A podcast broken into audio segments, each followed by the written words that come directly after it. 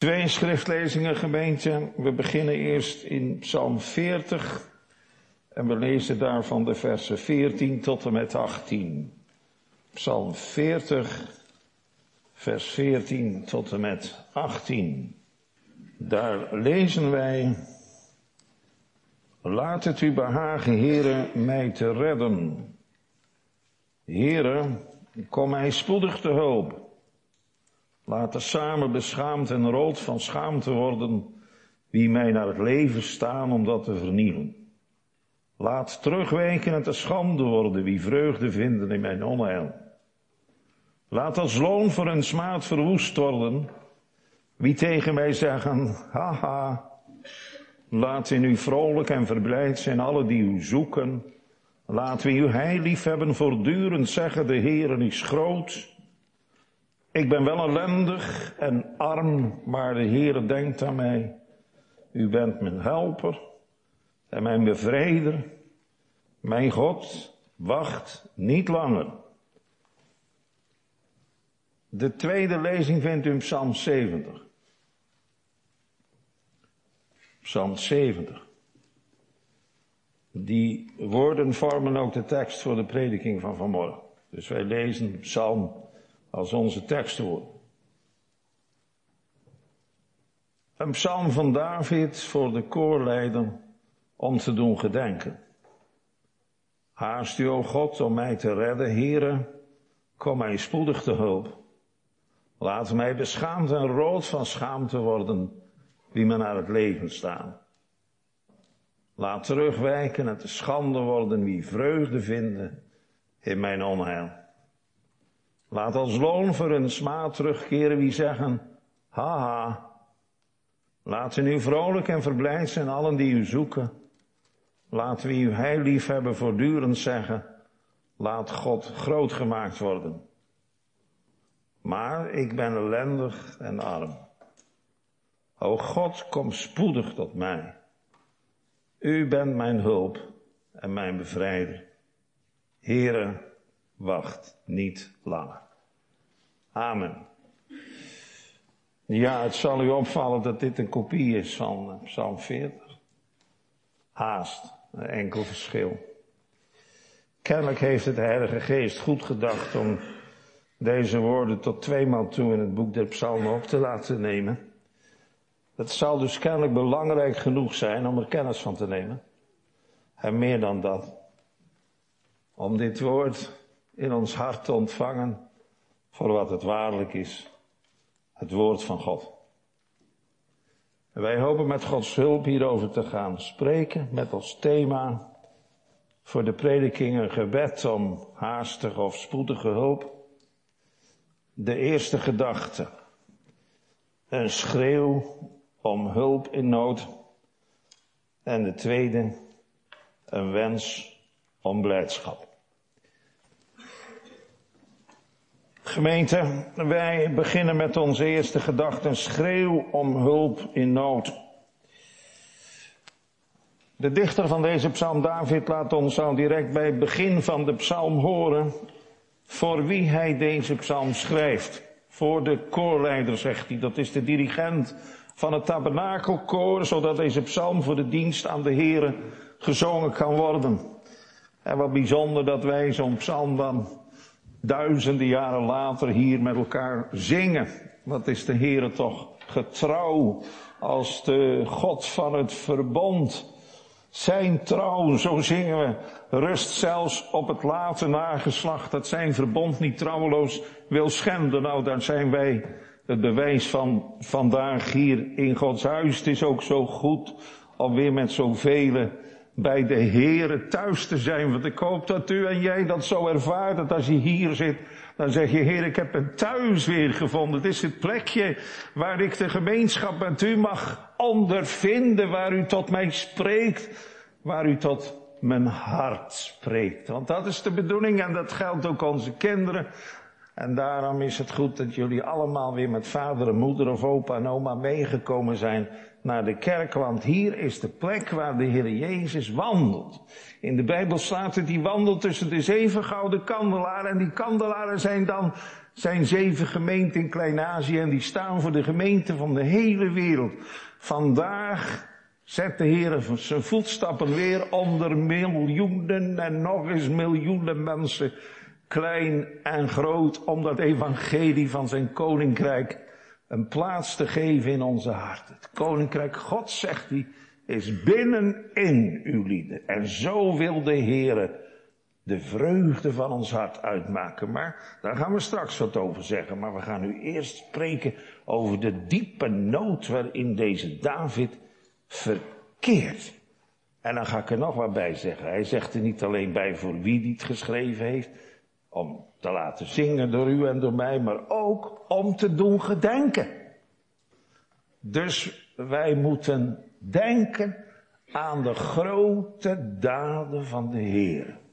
In de geschiedenis, in de geschiedenis van Israël, die ons zo heerlijk beschreven wordt in het woord van God maar ook in de geschiedenis van je eigen leven, hoe klein je ook al bent. Ik denk dat er ook kinderen zijn in de kerk die best wel eens een moment hebben dat je denkt, oh Heere, wat goed dat u aan me dacht of dat u me gered heeft. Je dreigde misschien wel ergens te vallen of wat er dan ook allemaal in je leven gebeurd kan zijn, dat je toch de nabijheid van de Heere hebt ervaren en je aan Hem dacht. Ik ga daar zo ook nog iets van vertellen uit mijn eigen leven. Maar aan wie moeten we denken? Waaraan? Nou, in de eerste plaats aan de Heere zelf. Haast u, o God, om mij te verlossen, o Heere, tot mijn hulp. Kom spoedig mij te hulp. Dus eerst denken aan de Heere. Dat hebben we zojuist al gezegd. En dan de Heere geschreven met hoofdletters. Dat betekent Jawel de God van het verbond. Dat is geen vreemde God voor ons, want die God heeft zich al voortdurend in ons leven met ons bemoeid. We zijn allemaal gedoopt, denk ik, zoals we hier zitten.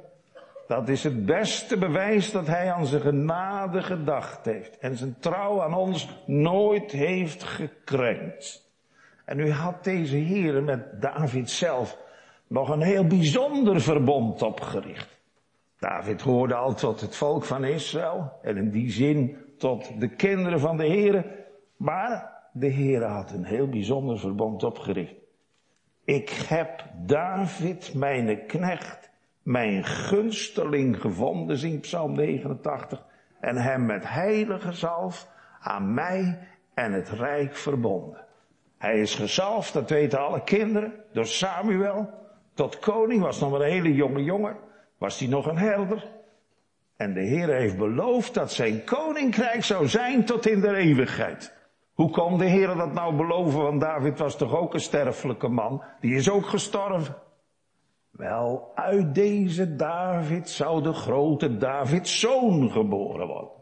De Heer Jezus Christus, wiens koninkrijk zal zijn van eeuwigheid tot eeuwigheid. En die belofte heeft David gekregen dat uit zijn geslacht die Messias geboren zou worden.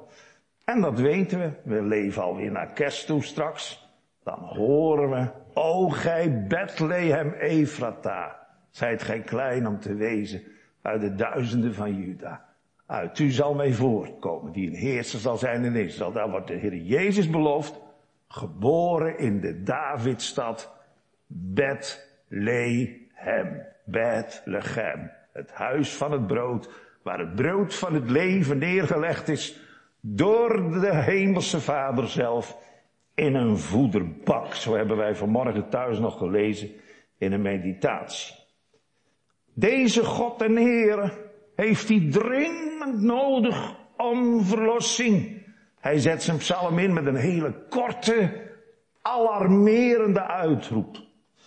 God zo staat het er letterlijk. God tot mijn verlossing. Heere tot mijn hulp. Haast u. Afgepaste korte noodkreten van een mens die in grote nood verkeert en om redding schreeuwt.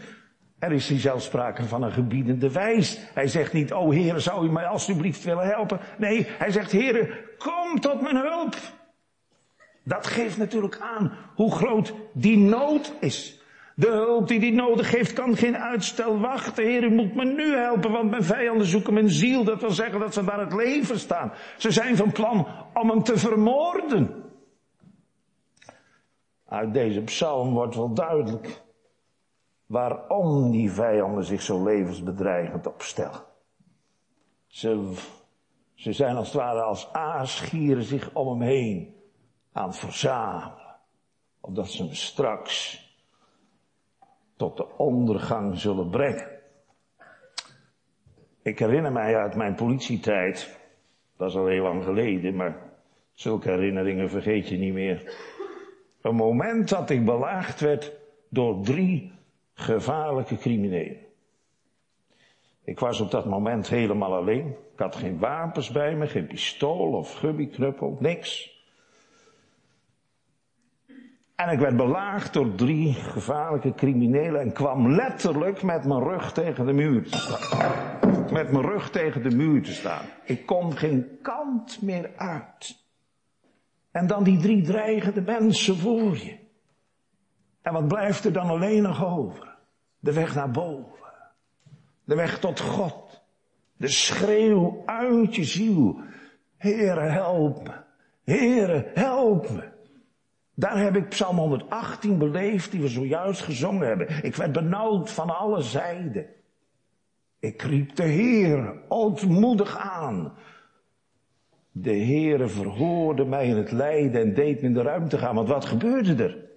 Terwijl de oudste van die drie criminelen, die een grote sigaar had, nog een ferme punt zoog aan die sigaar die ik gewoon opzag, lichtte, het vuur op mijn gezicht wilde uitdrukken, kwam daar ineens een vader aan. Zomaar uit het niets. En met grote vloeken trok hij die drie jongens bij mij weg. Toen ik dacht dat het verloren was, sleurde die vader zijn jongens met grote vloeken bij me vandaan. Waarna ze met de noorderzon vertrokken. Begrijp je dat zo'n tekst mij dan ontzettend aanspreekt als ik hier lees. Haast u, o God, om mij te redden, Heer. Kom mij spoedig te hulp. Want ze staan me naar het leven. Dat beleef je als het ware weer opnieuw in de overdenking van deze woorden. Door welke tegenstanders David hier in doodsnood verkeerd, dat weten we niet. Dat zegt de psalm niet. Ook in psalm 40 zien we daar niks van. Kan zijn dat het gaat om zijn zoon Absalom met zijn medekoeplegers. Kan ook zijn koning Saul met zijn handlangers. Maar hoe dan ook, het gevaar is levensbedreigend. En alhoewel wij misschien niet door vijanden belaagd worden, of nooit in ons leven echt door vijanden belaagd zijn geworden, daar zijn altijd drie voorname vijanden in u en jou en mijn leven. Dat is de duivel, de grote tegenstander van God. Die werkelijk alles aan doet om u, jou en mij van de Heer af te houden. Die van de wereld een paradijs maakt en zegt, leef je uit je. Haal uit het leven wat er uit te halen is. Zo leven toch veel mensen. En laat het een wonder zijn dat het ons mag gelden. Welzalig die gij hebt verkoren, die gij uit al het aardsgedruis doet naderen en uw heilstem horen, ja wonen in uw huis. Wat onderscheidt ons? Dat wij niet in een stadion zitten met 50.000 mensen, maar dat we in alle stilte in Gods huis mogen zitten en zomaar rustig mogen luisteren. Onze mond wijd open mogen doen, zodat de Heer ons hart en leven vult met het brood des levens. Dat is die zelf, want ik ben het die uit de hemel ben neergedaald. De duivel, de grootste tegenstander van God en van zijn gemeente. Die zo gemakkelijk toegang heeft tot ons hart. Omdat de, de vader der leugenen, zegt de schrift, zijn toegevallen. We hebben tegen God gekozen. En voor de Satan en zijn rijk. En dat komt wegen openbaar. Ook in ons natuurlijk hart en leven. De duivel. En dan de wereld die je maar trekt. Ik moet vaak aan de kindertjes denken. Die in deze tijd opgroeien. Die de hele wereld al in hun zak hebben. Verzoekingen legio. Zomaar bij de hand. En ik zou haast willen zeggen, je moet genade hebben om je tegen te kunnen verzetten. Om in de slavernij daarvan verstrikt te raken. Je hebt er de Heren voor nodig. In de strijd tegen de boze. Jezus heeft het zelfs in het allervolmaakste gebed opgenomen. Verlos ons van de boze. Maar dan spreekt hij ook over de overwinning. Want van u is het koninkrijk en de kracht en de heerlijkheid tot in eeuwigheid. Hij laat wel horen dat hij de overwinnaar zal blijken te zijn in de strijd. En zijn volk de zegen geeft. En dan tenslotte de vijand van ons eigen boze vlees. Dat is niet buiten ons, maar dat is in ons. Dat vlees dat zich niet onderwerpt aan de wet van God, zegt Paulus, want het kan het ook niet. Dat doet Paulus ook uitroepen. Ik ellendig mens, wie zal mij verlossen van het lichaam der zonde en des doods? Maar ook hij eindigt in de overwinning. Ik dank God door Jezus Christus, onze Heer. Hij schenkt de overwinning aan ons, die het zonder hem voor eeuwig zullen verliezen. En daarom is het ook zo nodig dat we zijn stem horen en gehoorzaam. David roept in het acute doodsgevaar waarin hij verkeerd zijn God aan. Daarin wijst hij dus ons de richting dat wij met alle nood en dood, waarin wij onszelf gebracht hebben, maar één adres hebben waar wij naartoe kunnen en mogen en moeten. Dat is de Heer. Haast u tot mijn hulp, Heer. Hij is in doodsgevaar. Dit is niet de enige keer, want we weten dat hij vele malen in doodsgevaar is geweest. Maar het mocht hem gelden. Op uw noodgeschrei deed ik groot, grote wonderen. En nu is dit gebed voor ons bewaard gebleven. Ik heb u juist een voorbeeld gegeven van mijn eigen leven, waardoor je weer herinnerd wordt. Het is om te gedenken, waarin je weer herinnerd wordt aan de grote daden van God in je leven. Kinderen van God in Kralingse Veer thuis en hier in de kerk. Denk aan wat Hij aan je ziel gedaan heeft. Zal gedenken hoe deze onze God heeft hulp bewezen. Zal zijn wonderen gadeslaan die Hij heeft van ouds gedaan. Dat is ook zo rijk voor je geestelijk leven. Wanneer je mag gedenken wat hij gedaan heeft aan je ziel. Dat hij die zegenrijke intocht in je hart en leven heeft gemaakt. En hij heeft dat gedaan en dat maakt de troost uit om nooit meer weg te gaan. Ik zal u niet begeven en ik zal u niet verlaten. En daarom zalig hij en dat geldt ook onze kinderen en onze jonge mensen, zalig gij, die in dit leven Jacobs God ter hulp heeft. Hij die door de nood gedreven zich tot hem om troost begeeft, die zijn hoop in het hachelijk slot vestigt op de Heere, zijn God. Weten onze jongeren dat de Heidelberger Catechismus is geschreven voor de jeugd. Toen er opdracht werd gegeven om de catechismus te schrijven, was dat omdat er totaal geen kennis was onder de jongeren. Kon ook niet, die jongens konden niet lezen, konden niet schrijven in die tijd. En daarom moest er een catechismus, een leerboek voor de jongeren worden geschreven. En dan is toch ook heel bijzonder dat twee jonge mensen die die catechisme schreven, toch beginnen met die enige vraag. Wat is nou jouw enige troost Beide in leven en in sterven. Nou, daar wil ik toch onze jongeren ook eens aan herinneren. Want daar gaat het om in ons leven. We kunnen ons over heel veel dringend druk maken en bezig zijn. En daar zijn natuurlijk gewone verplichtingen van elke dag. Daar geeft de Bijbel ook alle ruimte voor. Maar één ding is nodig. Dat wij ons het eigendom van de Heer Jezus Christus mogen weten. Dat is waar de Heidelberger catechismus ons leven mee binnenstapt. En daarom wil ik die vraag ook stellen. Want als je deze God tot jouw eigendom hebt, als je weet dat je gekocht bent door de prijs van het bloed van de Heer Jezus Christus, dan ga je ook veel beter begrijpen wat deze woorden betekenen voor het leven van een kind van de Heer. Dan kun je ook begrijpen dat je zo met de Heer om mag gaan. En hoe heerlijk is dat als dat al in je jonge jaren mag gebeuren.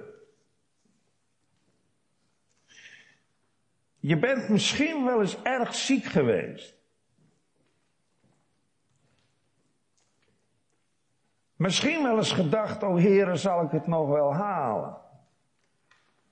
Kan hè?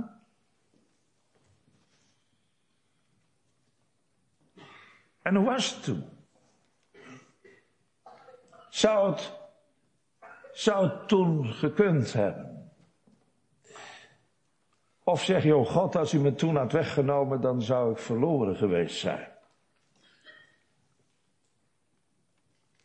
Dan wordt je dit nog eens op het hart gebonden vanmorgen.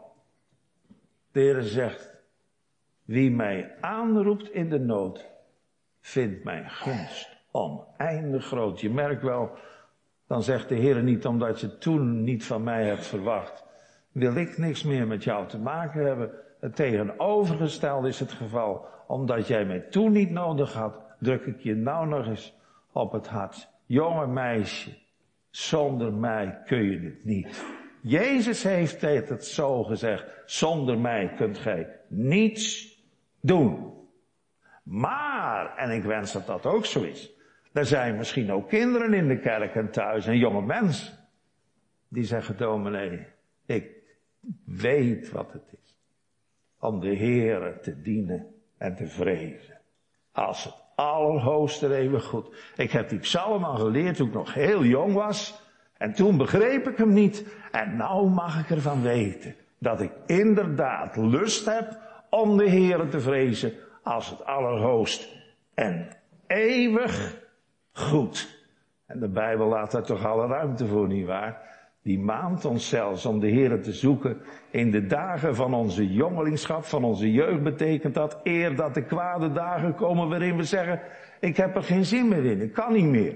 Want dat kan zo zijn hoor, dat heb ik vaak genoeg meegemaakt in mijn pastorale praktijk, dat mensen zo ziek en zo ellendig eraan toe zijn, dat alles te veel is. Alles te veel, dat je geen gebed kunt verdragen, bij wijze van spreken. Stil, stil.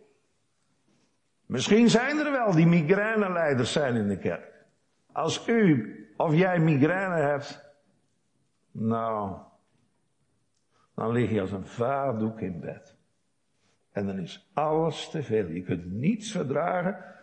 Vroeger, nou is dat niet meer, maar vroeger nog niet de tikken van de horloge. Die moest van de pols. Zo ellendig. Als het dan nog moet gebeuren, dan gaat het niet goed, hè. Zoek de Heer in de dagen dat je gezond bent. En als je mag kennen, dan ben je net zo gelukkig als Samuel. Dan ben je net zo gelukkig als David, die ook al zo jong de Heer mocht vrezen. Dan ben je net zo gelukkig als Maria, de moeder van Jezus. Mijn ziel verheft Gods Heer, mijn geest mag blij, mijn Heer, mijn zaligmaker noemen. Nou, in vers 3 is het gebed van David geen, geen gebiedende wijs meer. De stoom is als het ware van de ketel geblazen. En nu gaat hij over in wensende zin. Laat hen beschaamd en schaamrood worden die mijn ziel zoeken. Dat wil zoveel zeggen als laten zij zich generen en voor schut staan als een strijd om mij te doden teruggedreven zullen worden. Laat ze te schande worden, die lust hebben in mijn kwaad. En uit vers 4 blijkt waaruit die lust, dat genoegen van die vijanden bestaat. Ze lachen hem compleet uit. Laat hen terugkeren tot loon van hun beschaming die dan zeggen, haha. Dat hoongelach klinkt hem in de oren. Die voortdurende spot, leedvermaak.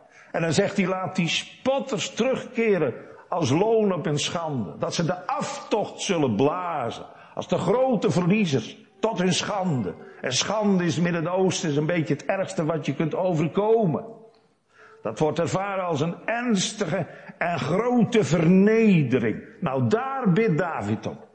Dat ze tot schande zullen zijn om dat wat zij doen tegen David en daarmee ook tegen God zelf. Want waarom zijn ze David zo vijandig gezind? Omdat ze de Heeren vijandig gezind zijn. Nou, nu komen we tot onze tweede gedachte. De wens om blijdschap. Wat een geweldige omslag vindt er nu ineens in deze psalm plaats. Maar ook dit is om te doen gedenken voor ons allemaal. Eerst heeft hij gebeden om acute hulp te midden van zijn benauwdheid. En nu bidt hij in vers 5. Laat ze nu vrolijk en verblijd zijn, allen die u zoeken. Even ter verduidelijking, het zoeken wat hier uh, genoemd wordt, het is niet het zoeken van dat je de Heer nog moet zoeken, omdat je nog vreemd bent van de Heer. Maar hier gaat het om degene die de Heer zoeken tot hun hulp, die in nood zijn, die hun God zoeken, die hun Heer zoeken, zoals David dat zelf hier. Heere, haast u tot mijn hulp. Over die zoekers gaat het hier. En dan is het toch wel heel opmerkelijk. Terwijl hij zelf nog steeds in grote nood verkeert. Want als hij dit straks gezegd heeft, horen we in vers 6. Doch ik ben ellendig en nooddruftig. Maar te midden van al die nood, die hem overkomt, die bange nood en die, die schreeuw om haastige hulp, zijn dat toch deze woorden. Laten u vrolijk en verblijd zijn, allen die u zoeken. Hij bidt niet alleen voor zichzelf, maar hij bidt ook voor allen die de Heeren zoeken tot hun hulp. Die hun heil en hulp zoeken bij de Heeren alleen. En hij noemt ze liefhebbers van God. Dat hij aan anderen denkt. Als het gaat om de blijdschap in de Heer. Geeft ook aan dat de vreugde in God niet alleen beleefd wordt. Dat daar ook anderen in delen. Andere liefhebbers van de Heer. En dat samen verheugd zijn, daar is de Bijbel vol van. Vele malen wordt er gesproken over het verheugd zijn of vrolijk zijn in God. Of het jubelen en juichen. Als het over het verheugd zijn in God. Dan moet ik zelf altijd in de eerste plaats denken aan Psalm 97. Ik denk dat u hem wel kent. Het zevende vers. Juicht vromen om uw lot. Verblijd u steeds in God. Roemt, roemt zijn heiligheid. Zo wordt zijn lof verblijd, verbreid voor al dit heilgenot. Het jubelen, het je verblijden in God, het roemen in zijn heiligheid.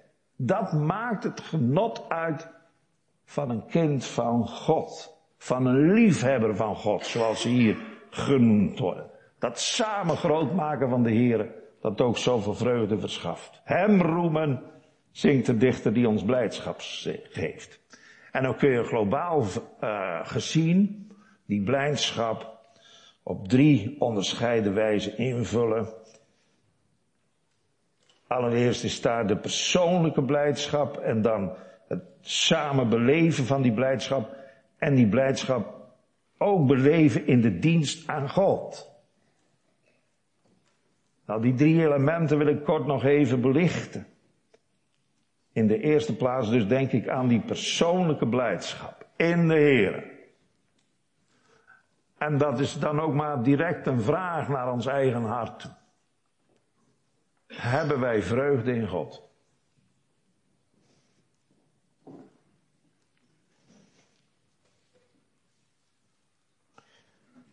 Dat is niet iets wat we zelf maken. Blijdschap, zo zegt Paulus in Galaten 5, is een vrucht van de geest. Hij schenkt die blijdschap in mijn hart. En ik wil nou deze blijdschap koppelen aan de woorden die hier in vers 5 staan. Laat de liefhebbers van uw heil gedurig zeggen, God zij groot gemaakt. Het is natuurlijk al een heel opvallende tegenstelling. Die vijanden van David, die zijn gedurig bezig met spotten en lachen. Met uitlachen. Haha. Ha. Die zijn ook vrolijk. Als ze hun vijandschap kunnen uitleven.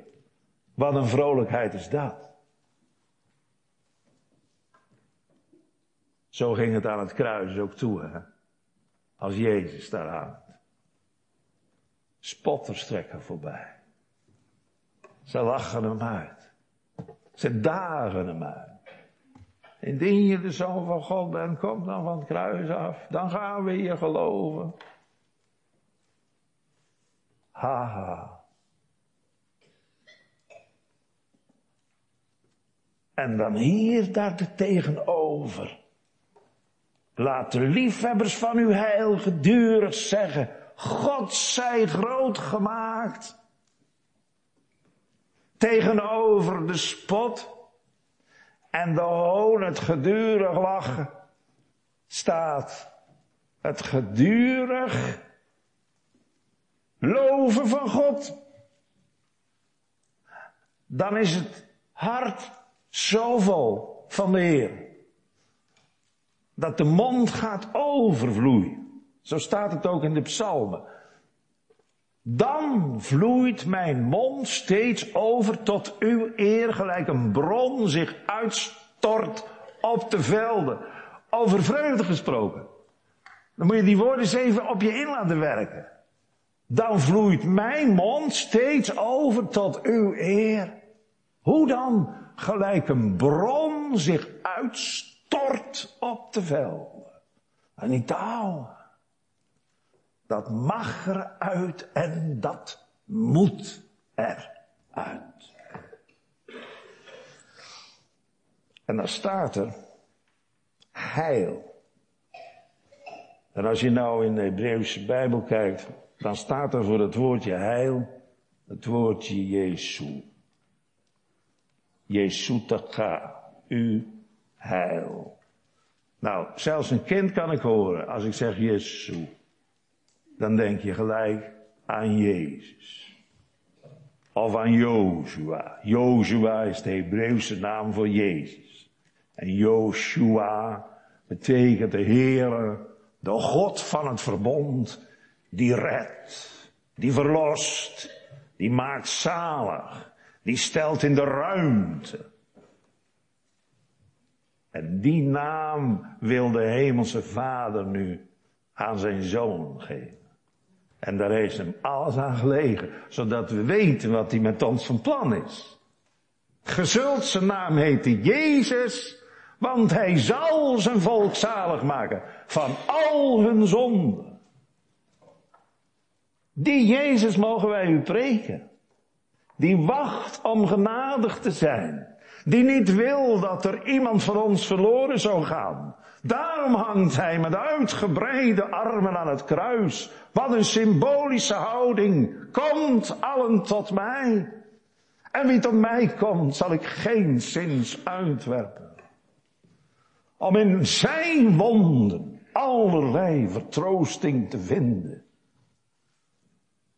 En dan zegt de hemelse vader, Kijk nou naar mijn lam. Hij neemt de zonde van de wereld weg. Behalve die van u. Want u zegt, ja dat kan niet. Hij zegt, hij neemt de zonde van de wereld weg. En dat vraagt nou geloof. En dat gelooft, dat geloof, dat werkt hij door het woord der prediking. En door de bediening van de Heilige Geest. Daarom laat het niet tot dove mans oren gezegd zijn. Verhard u niet, maar laat u leiden. Gelooft zijn heil en troostrijk woord. En wanneer wij kind van de Heere thuis en hier in de kerk weten van welke grote nood en dood God ons heeft gered, wie gaan we dan groot maken?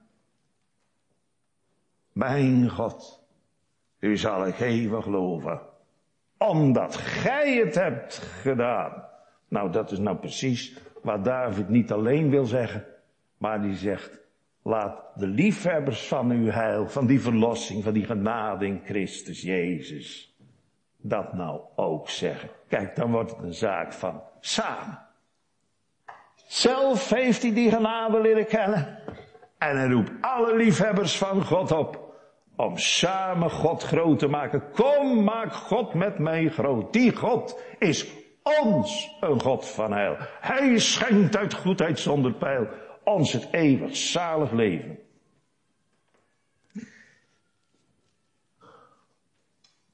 En wat gaan we dan doen? Wat denkt u wat er hier gebeurt? Dat doe je samen. Maar je mag het ook in de dienst doen. Nou, wij hebben allemaal aan de lijve ondervonden wat het is om dat niet meer te kunnen doen. Ik zal toch nooit de eerste periode vergeten van van de coronacrisis. Ik stond te preken in aanwezigheid van een ouderling, van een diaken, van een koster en van een organist. En dat waren ze. Dat is zo'n vreemde gewaarwording dan merk je dat dat nooit de bedoeling kan zijn dat je zo met elkaar de dienst aan de Heer beleeft. Want er valt maar heel weinig te beleven, om eerlijk te zeggen. Maar goed, het heeft God behaagd om door allerlei middelen daar toch enigszins draaglijk voor ons te maken met alle moeilijkheden die dat toch ook gaf. Maar kijk nou eens, Kralingse Veer, mijn lieve gemeente. Daar zit je En zeg nou maar tegen de Heer wat dat voor je betekent. Dit zul je toch voor geen goud willen missen. Hier worden toch de fonteinen van het heil geopend om je ziel te overspoelen met zijn zondaarsliefde. Hoe klein of hoe groot je ook bent. Dat is nou de bedoeling van deze God. En daarom dank u wel, heren, dat we dit mogen beleven weer. En alsjeblieft mogen we het behouden. Mag dat je zorg ook van u uitmaken. En tegelijkertijd heeft het ons ook ontdekt hoe slordig we soms met de dingen omgingen. Want dat heb ik natuurlijk ook gezien. En daar heb ik niet speciaal u op het oog, maar in het algemeen, ik kom in veel gemeenten. En dan zeg ik dat men in de avonddienst al de plaats leeg liet. Terwijl de deuren van Gods huis openstaan. Terwijl de Heer wacht om genadig te zijn, zit ik thuis en zeg, ja, ik heb vanmorgen al geweest hoor, het is wel goed zo. Ik hoop dat deze crisis ook dat heeft blootgelegd. Hij zegt, oh God, ik dank u dat u daar mijn ogen voor geopend hebt. Al dat het leeft in je ziel, hoe lieflijk zijn mij uw woningen. O Heer, de Heer Schaar. Hier in de dienst aan God God heeft niet voor niks die tempelkoren gegeven en die tabernakelkoren. Deze psalmen werden gedicht om daar gezongen te worden. In de gemeenschap van de gelovigen. Zo wil God groot gemaakt worden. Kom, maak God met mij groot. Als je leest wat er allemaal in de psalmen staat over de dienst aan God in zijn huis. Nou, dat is geweldig. Ik zal met vreugd in het huis des Heren gaan. Om daar met lof uw grote naam te danken, Jeruzalem. Gij hoort die blijde klanken. Elk hef met mij. Elk hef met mij. De lof des Heren aan. En weet je wat ik ook zo'n geweldige psalm vind? Psalm 98. Moet de kinderen ook maar goed luisteren. Dat herenhuis van vreugde druisen. Voor Israëls grote opperheer. De zee met haar volheid bruisen. En dan is Kralingse veer ineens uit beeld. Gij ganse wereld, geef hem meer. Dat is wat God zegt. Gij ganse wereld, geef hem meer. Zegt hij dan niet tegen ons vanmorgen? Dan is er niemand die daarvan uitgezonderd wordt, van die gebiedende wijs van God. We hebben gehoord hoe David de Heere gebood om hem tot hulp te komen. En nou zegt de Heere tegen ons, en nou wil ik dat jij mij lofzingt. Geef mij de eer. En waarom dan? Wel, al zo lief heb ik de wereld gehad dat ik mijn zoon ervoor over had. Om jou zalig te maken. Daarom heeft hij zijn bloed gegeven. Om je te wassen en te reinigen door het bloed van mijn kind. Ouders, wat zijn je kinderen je lief? Dat is geen vergelijking.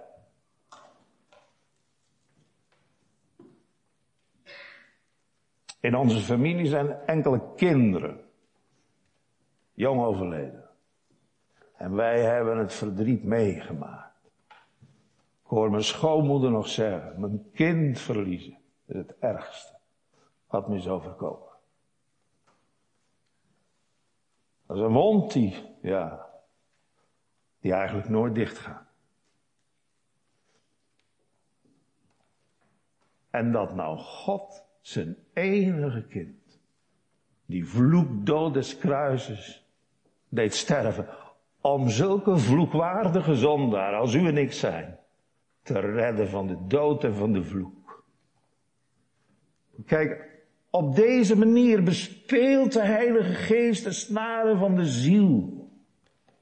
Opdat wij niet zullen blijven die we zijn. Dat we zouden volharden in onze vijandschap tegen de Heer. Maar dat we van een hater een liefhebber, zoals ze hier genoemd worden, zouden worden. Laat Heere huis dan maar van vreugde druisen. En dan ga ik van het kruis naar de kribbe. Want wat een vreugde heeft de hemelse vader erin gehad om zijn kind aan deze wereld te geven. Je zou zeggen dat moet een droefgeestige gebeurtenis zijn. Want de hemelse vader geeft zijn kind over aan deze wereld om gekruisigd te worden. Maar daartoe moest hij eerst geboren worden. En wat blijkt nou? Wat een blijdschap dat heeft gegeven. Want als dat kind neergelegd wordt in een voederbak in Bethlehem, dan, dan daalt daar een engel neer uit de hemel bij de herders in de velden van Efrata. Hij wordt omschenen, nietwaar, met licht van de hemel, zodat de uh, herders met grote vrezen vrezen. Ziet! Dit is het woord van de vader, hè? Nu zijn kind daar in die voederbak ligt. Ziet! Let op! Ik verkondig u grote blijdschap, die het hele volk zal zijn. Namelijk dat voor u heden geboren is de zaligmaker, welke is Christus de Heer, in de stad van David. De vreugde. Weet je wanneer die vreugde er al was? Toen Maria nog maar een enkele dag zwanger was van dit kind. Ze wist het zelf niet eens. Ze kwam binnen bij haar nicht Elisabeth en ze groet haar. Shalom Elisabeth. En wat denk je? Elisabeth die zes maanden zwanger is, die voelt haar kind een huppeldansje maken. Johannes verheugt zich al in de komst van zijn zaligmaker. En die moeder die zegt, wat is het dat de moeder mijn zeren tot mij komt? Met dat dansende kind in de buik. En dan, dan gaat Maria ook zingen. Daar heb je nou dat samen. Als ze dat gehoord heeft, nou, dan wordt de lofzang van Maria geboren. Mijn ziel verheft Gods eer, mijn geest mag blij de Heer mijn zaligmaker noemen. Die in haar lage staat zijn dienst maakt, niet versmaad. Maar van zijn gunst, dat is van zijn goedertierenheid, van zijn genade, van zijn geliefde, doet roemen. Dat roemen in God, dat is wezenlijk aan het geloofsleven. Maar ja, hij is niet uit de nood. Hij zegt nu doch. Dat is de tegenstelling. Doch, zegt hij. Ik ben ellendig en nooddruftig. Maar de Heere denkt aan mij. Hij vraagt om hulp. Weer met een gebiedende wijs. Ik ben ellendig en nooddruftig. Arm staat hier, is goed. Ani in het Hebreeuws. O God, Kom, gebiedende wijs, spoedig tot mij. En dan die heerlijke geloofstaal. U bent mijn hulp. En u bent mijn bevrijder. U bent mijn verlossing. Dat is die. En die helper en die bevrijder roept hij ook nu weer aan in al zijn nood. En dan tenslotte, dan spreekt hij de Heere aan met zijn verbondsnaam. Heere, zegt hij, wacht niet langer. Dat vind ik zo mooi ter afsluiting. Heere, wacht niet langer. Kom nou toch gauw. Nou, als het gaat over zijn komst in u en jouw leven, en hij is er nog niet geweest. Laat dit dan je gebed zijn. Heer, wacht niet lang.